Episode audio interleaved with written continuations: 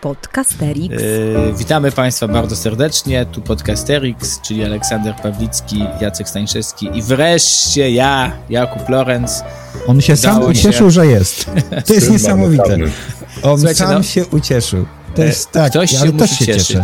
Ktoś no, się musi cieszyć, bo jak odsłuchałem waszych odcinków e, nagrywanych beze mnie, to radzicie sobie tak dobrze, że poczułem się zagrożony w naszym wspaniałym trio. Więc y, muszę się cieszyć z tego, że jestem. Tak. tak. Nie, nie powiem, znaczy tak, brakowało nam ciebie, ale bez przesady. No właśnie, tego się obawiam, tego bez przesady. W każdym razie już jestem, na dobre i na złe. Y, jestem już y, znowu z wami. Chcę tylko sprostować jedną rzecz, bo koledzy mnie oczerniali, ale w odcinku sprzed dwóch tygodni miałem, byłem po prostu w szkole i nauczałam. A, I, a co my koledzy mówili, że, że bez usprawiedliwienia mnie nie ma. Tak no, ale to ja wiem, że coś, myśmy wiedzieli, że coś robili i robiłeś, tylko, tylko nie wiedzieliśmy co. No ale jednak widzicie, my, my tu jak to... nie ma kolegi Pawlickiego, to Filharmonia, co, no tamto, a ja bez usprawiedliwienia. No, co, ale no bo chwileczkę, nie, nie, każda, nie każda obecność w szkole jest usprawiedliwiona. Nie, nie, tego nie wiedzieliśmy, czy akurat ta obecność twoja w szkole jest no, no usprawiedliwiona. tak. jakoś, powiedzmy sobie otwarcie, bywają zupełnie nieusprawiedliwione obecności w szkole. Zwłaszcza o porze, której nagrywamy. No nie wiem, co robiłeś o tej godzinie w szkole. Ja wolałbym, żebyś od 8 do tam 15 prowadził zajęcia No, Chociaż powiem wam, że najbardziej mnie z tej perspektywy e, napawają jednak lękiem nieusprawiedliwione obecności uczniów e, na moich lekcjach. Niekiedy tak myślę się, sobie, myślę sobie, część obecności jednak była nieusprawiedliwiona tym, co zaproponowałem. No, y, lęki to wzbudzałaby w tobie y, przyczyna mojej zeszłotygodniowej y, nieobecności, czyli alarm tak, to, przeciwpożarowy. To, to, to, wiemy, to też opowiedzieliśmy. No, tak, to tak. słyszałem, tak odnotowuję i to do, doceniam, to miałem faktycznie, tak. No ale dobrze, sam ale... fakt, że teraz mówisz oznacza, że przeżyłeś, więc jesteśmy zachwyceni. Tak, tak, tak, tak. Szybko się ewakuowałem i e, przeżyłem.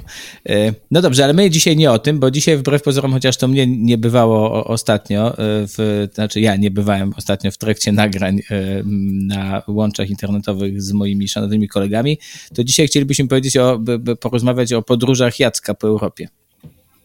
No tak, no. Jacku, no. ostatnio ja, się wo wozisz się, co prawda nagrywasz, nie opuszczasz, ale się wozisz po Europie. To opowiesz, znaczy, gdzie byłeś? Ja tylko bym zmienił, e, choć, chociaż robię to z wielkim smutkiem, e, słowo podróże zmienił jednak z liczby mnogiej na liczbę pojedynczą. Bo to Chciałem, żeby podróż. tak było bardziej wciągające. Rozumiem, rozumiem. No pojechałem, poleciałem do, do, do północnych Włoch, do Lombardii, do Bergamo, do miejsca, w którym na każdym rogu prawie możecie zobaczyć e, tegoż Giuseppe Garibaldiego. E, e, nawet jeden hotel nazywał się Risorgimento i było to faktycznie mm, zauważalne. Byłem tam na zaproszenie Stowarzyszenia Edukatorów Historii w Europie Euroclio, którzy poprosili mnie o to, żebym przyjechał i razem z nimi porozmawiał na temat dwóch rzeczy. Pierwsza rzecz to e, historia, a zmiany środowiskowe i to, w jaki sposób historia może pomóc w tym, by e, wspomóc innych e, w tym, by mieć świadomość o tym, co się dzieje obecnie w środowisku. Przyznam się szczerze, że od razu wydało mi się to dosyć um, takie trochę oderwane od rzeczywistości. Nie dlatego, że to środowisko jest teraz nieważne, tylko wydaje mi się, że chyba jednak e, mamy e, więcej do. Ale może o tym porozmawiamy za chwilę. E, a drugi temat to był temat związany z uchodźcami, o tym, w jaki sposób włączać, w jaki sposób włączać uchodźców, dzieci uchodźce do tego, jak uczymy historię, czy, czy historii, czy też możemy jakoś wspomóc, e, czy możemy w jakiś sposób odpowiedzieć na temat, który teraz tak wiele e, narodów, dla których ten, ten temat jest tak, tak, tak bliski. A powiedz, poprawnie ci się mylę, ale rozumiem, że ciebie, ciebie tam zaproszono głównie z tego drugiego kawałka uchodźczego i jak rozumiem w kontekście ukraińskim. No i to jest Czy... bardzo ciekawe, dlatego że, y, że tak, myślę, tak, taką miałem nadzieję, tak, to znaczy y, mam nadzieję, że teraz koleżanki i koledzy nie słuchają mnie tłumacząc sobie z polskiego na angielski, to ci teraz powiem, ale taką miałem nadzieję, że będę mógł się po, podzielić z nimi doświadczeniami, jakie my tu w Polsce mieliśmy z, w związku z wojną w Ukrainie, zwłaszcza, że na tym samym na tym samym spotkaniu były również dwie koleżanki z Ukrainy, obie ty Kubo znasz, to znaczy jedna e, Iryna, którą znamy już od dawna, Kostie, Iryna Kostiuk, która mm, e, jest naszą koleżanką, autorką podręczników. I druga zresztą e, też ci znana, będąca mieszkająca w Polsce od dwóch lat, zresztą właśnie mająca takie bardzo duże doświadczenie bycia uchodźczynią tu w Polsce, Maryna Kaftan, która jest z kolei nauczycielką E, bardziej angielskiego, natomiast e, z wykształcenia jest historyczką i też tej, te książki do historii e, uczy. No ale okazało się, że problem był bardziej teoretyczny. O tak powiem. Ale teoretyczny w jakim sensie właśnie? Bo tak się zawiesił głos w in... Innymi słowy, zebraliście się po to, żeby sformułować definicję? Czy Wiecie co, y, miałem takie wrażenie, że y, y, wszyscy rozmawialiśmy bardziej o tym, co powinno się zrobić w takich sytuacjach, jeżeli coś takiego nastąpi. Natomiast nie za dużo osób zauważyło, a chyba zresztą nikt nie zauważył, że takie coś już następuje w momencie, kiedy Ale mamy... mówiąc takie coś, masz na myśli co, migrację? Kiedy mamy bardzo, bardzo dużą, e, bardzo duży napływ e, młodzieży, dzieci do szkół, w których e, pojawiają się osoby, znaczy, bo widzicie, to jest troszeczkę tak, że y, pokazano nam również włoskie szkoły. Byłem we włoskiej klasie, widziałem włoską lekcję historii, gdzie faktycznie y, na pierwszy rzut oka widać, że y, zróżnicowanie pochodzenia tych dzieci jest ogromne. I wydaje mi się, y, że cały czas my rozmawiamy, nazywamy ten sam temat różnymi e, słow, e, tymi samymi słowami, ale rozmawiamy o różnych rzeczach. Bo z jednej strony mamy taką klasę, w której są dzieci pochodzenia nigeryjskiego, pochodzenia marokańskiego, pochodzenia ukraińskiego, rosyjskiego, e, polskiego, ale one są dziećmi uchodźców, którzy już tam mieszkają od jakiegoś czasu.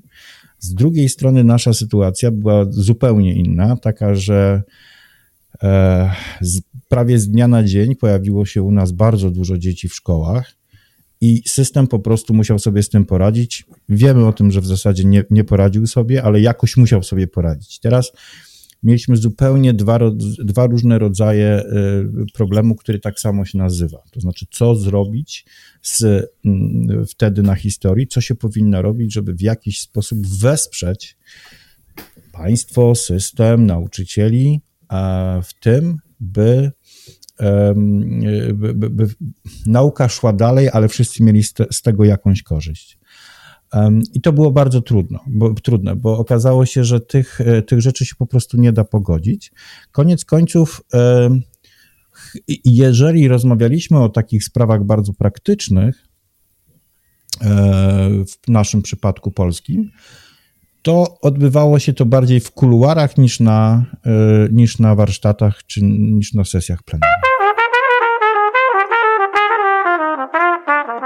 Podcasterix. Ale czekaj, bo jak mówisz, e, że spotkaliście się tam po to, żeby na końcu dojść do wniosku, że nie da się pogodzić e, zrealizowania dwóch celów, które oba wydają nam się ważne, tak? To znaczy, żeby te mhm. dzieci, które już są w klasie od jakiegoś czasu, mogły dalej dokonywać postępów e, z tego miejsca, w którym, w którym się w momencie X znalazły oraz żeby te dzieci, które e, nagle w tej klasie się pojawiły, e, które mają doświadczenie uchodźcze, ale są po prostu w jakimś także punkcie swojej edukacji historycznej i że to jest niemożliwe, żeby obie te grupy w tej samej klasie e, rozwijały się w takim tempie, co do którego moglibyśmy uznać, że jest na ich miarę, tak?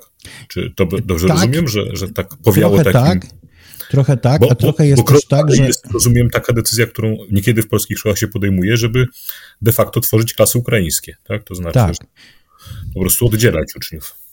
Właśnie, i, i, i, ale chyba, bo to jest trochę tak, że tutaj niestety trochę pewnie skrytykuję e, organizatorów tego spotkania, nie do, nie do końca y, jasne było to, o czym chcemy rozmawiać. I może stąd moje, y, moje też wahania o tym, jak ten temat opisać, dlatego że trudno było znaleźć wspólny język w momencie, kiedy rozmawialiśmy o tym, jakie są doświadczenia nauczycielek, nauczycieli albo właśnie dzieci w tym momencie. No bo kiedy rozmawialiśmy o sytuacji polskiej, to raczej to była taka sytuacja dla nas bardzo, e, bardzo konkretna, czyli no nagle pojawia się w klasie, w roku szkolnym trójka dzieci z Ukrainy, którą, których trzeba w, jakoś, w jakiś sposób włączyć w proces, który już trwa. Z drugiej strony mamy taki, e, taki system, który jest angielski czy holenderski, w którym te dzieciaki są już tam na stałe, można ich się spodziewać, one są. E, no ale e, duński chociażby, tam stamtąd była bardzo taka silna e, pani koleżanka, która zresztą też była uchodźczynią, była pochodzenia bośniackiego i ona mówiła o tym z taką bardzo dużą pewnością, ale widać było, że to, co ona mówi, te jej doświadczenia, no, nie nadają się kompletnie do sytuacji, która jest nasza. E, I, e, I trochę się czuliśmy, e, my mówię, my w tej, z, tej, z tej strony środkowo-wschodnioeuropejskiej, trochę znowu tak na pozycji słuchajcie, bo my wiemy, jak to zrobić. To i zresztą, nie wiem, Kuba też miał czasami ze mną okazję być w tym środowisku, kiedy ja dosyć często coś takiego odczuwałem. To znaczy, takie poczucie, że y, my, was teraz, my wam teraz powiemy, jak należy uczyć historii w sposób nowoczesny, korzystając z naszych zachodnioeuropejskich doświadczeń. E, z tyłu głowy nie do końca rozumiejąc, co się tam u was dzieje. E, no i e, tak, przyjechałem oczywiście pełny wrażeń jak z każdej podróży do Włoch, e, fantastycznie oglądając ich architekturę i, i, i, i widoczki, natomiast znowu trochę jakby taki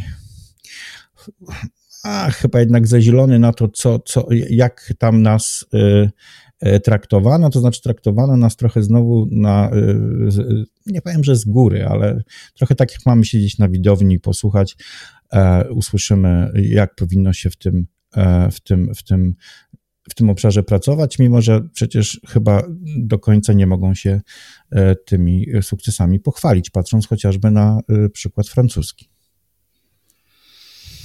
No to jakieś rozgoryczenie czuję w tobie, ale bo, rozumiem, nie, bo, że... Bo, bo no. to jest, wiecie, to jest troszeczkę tak, że dzisiaj zagaduję.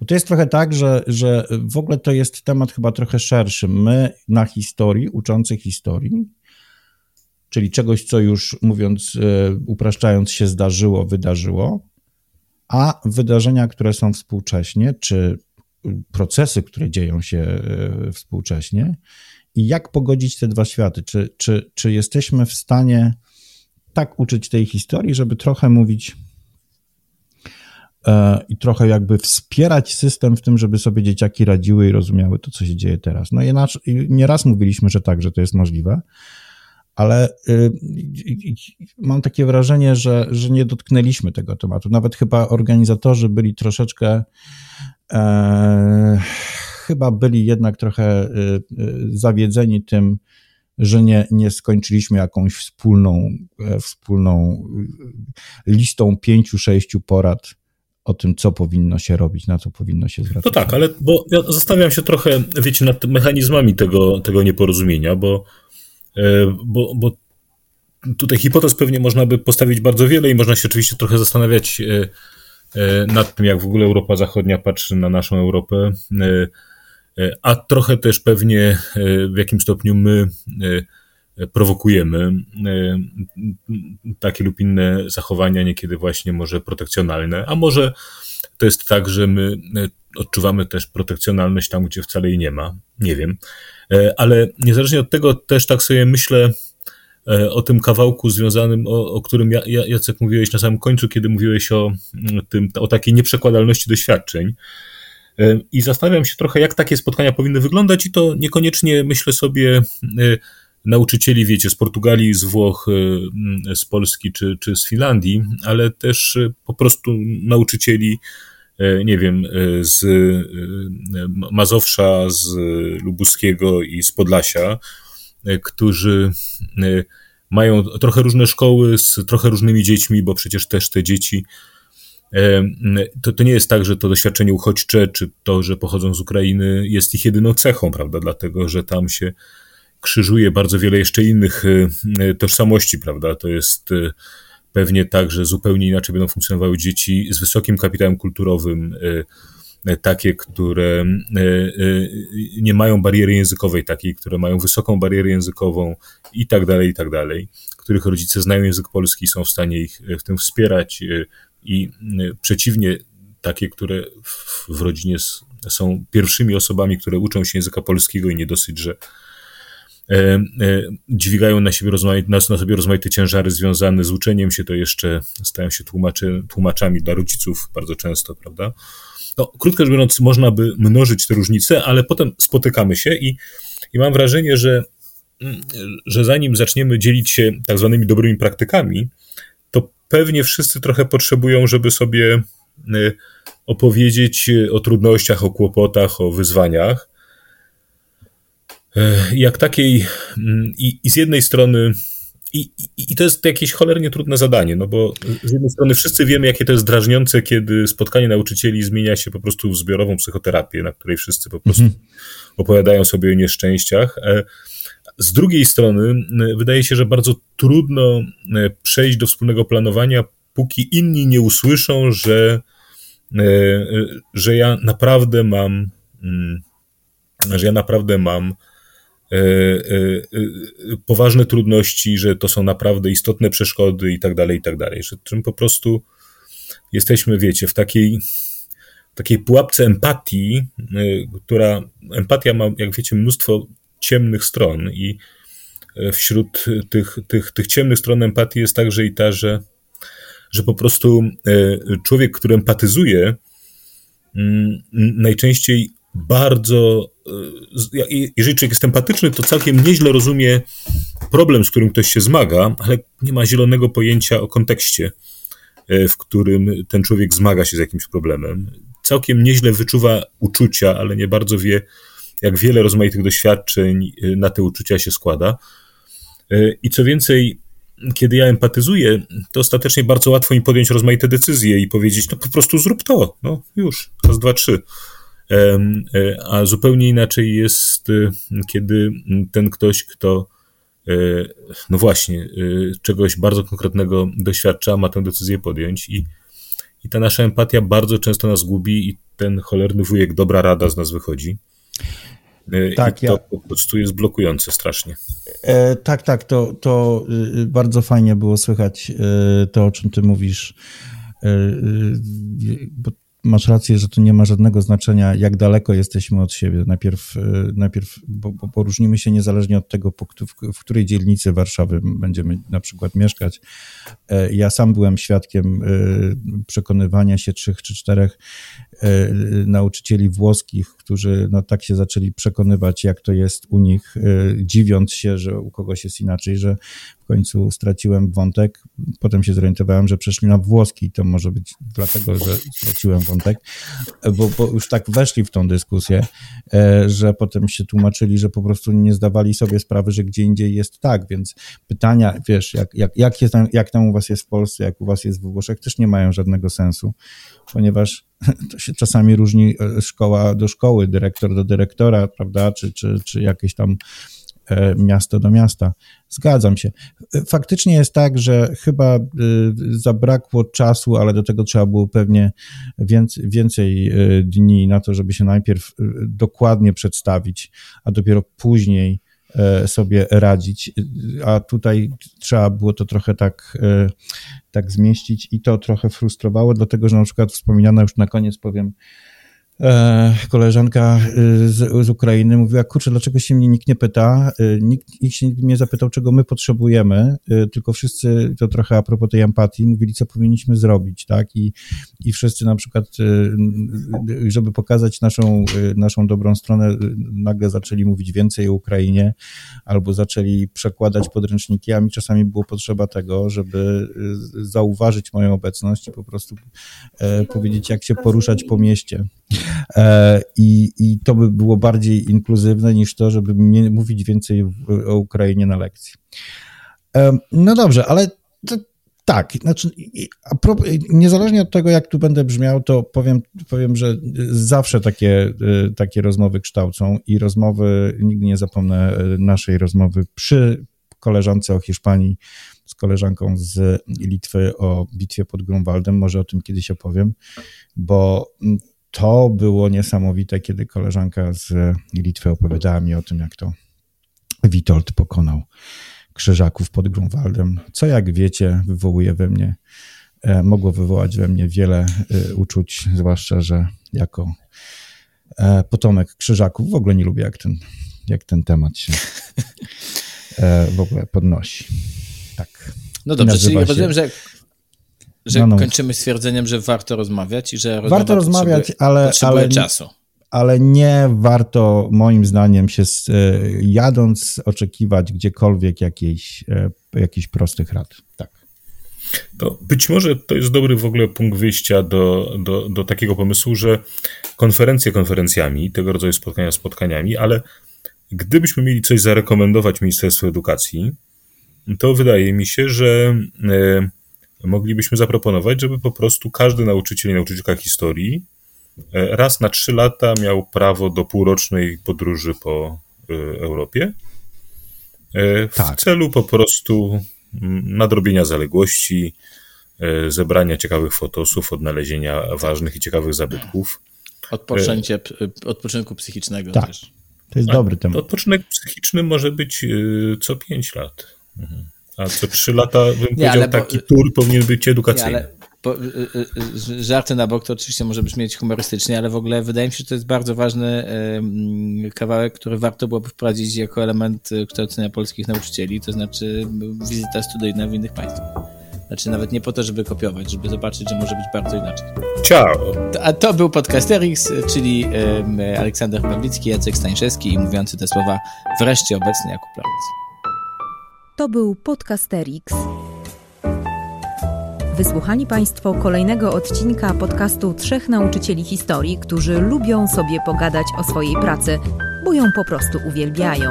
Tych trzech jegomości to Kuba z charakterystycznym R, Olek charakterystycznym głosem i Jacek, który czuwał nad nagraniem i montażem. Podcast przygotowano dzięki wsparciu Szkoły Edukacji Polsko-Amerykańskiej Fundacji Wolności i Uniwersytetu Warszawskiego, w której cała trójka pracuje. Więcej informacji na stronie szkolaedukacji.pl.